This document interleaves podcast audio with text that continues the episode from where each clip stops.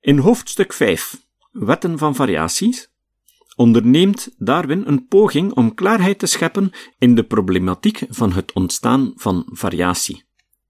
Zijn opvattingen hierover zijn eerder al uiteengezet, daarom ga ik op dit hoofdstuk niet dieper in. Bovendien is zijn theorie pre-Mendeliaans en niet meer houdbaar. Het volgende hoofdstuk, moeilijkheden met de theorie, is veel belangrijker. Hierin anticipeert hij de belangrijkste kritieken die volgens hem tegen zijn evolutietheorie kunnen worden ingebracht.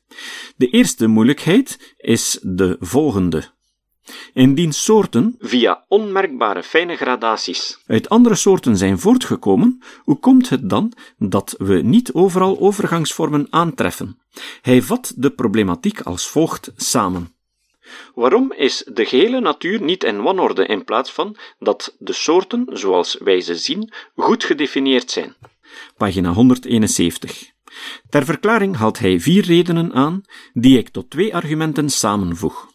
Ten eerste is het ontstaan van nieuwe variëteiten een bijzonder traag proces, zodat we in een bepaalde regio op een bepaald tijdstip een aantal soorten en een aantal variëteiten van deze soorten waarnemen. Ten tweede zijn wat wij soorten noemen onderling seksueel geïsoleerde groepen organismen. De groepen organismen dat wil zeggen de variëteiten, waaruit deze soorten historisch voortkwamen, en de soorten waaruit de variëteiten voortkwamen, de opeenvolgende links, zijn uitgestorven. Darwins evolutietheorie maakt met andere woorden duidelijk dat we nog in leven zijnde tussenvormen moeten verwachten tussen de levende soorten onderling, nog tussen de levende soorten enerzijds en de soorten waaruit deze voortkwamen anderzijds. De boom- of struikstructuur van de evolutie van het leven verheldert wat hij precies bedoelt.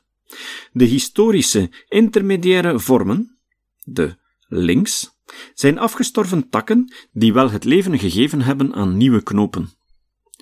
Daaruit ontwikkelen zich twijgen en vervolgens takken.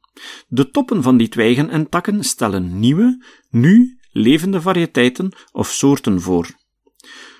Het struikpatroon toont aan dat men dus geen actuele tussenvormen moet verwachten.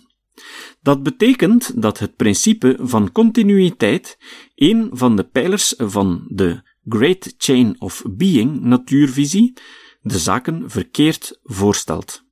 Hoewel Darwin op een aantal plaatsen in over het ontstaan instemmend het Chain of Being gezegde natura non facit saltum, de natuur maakt geen sprongen, citeert, is duidelijk dat hij dan verwijst naar de gradualiteit van evolutie in de tijd.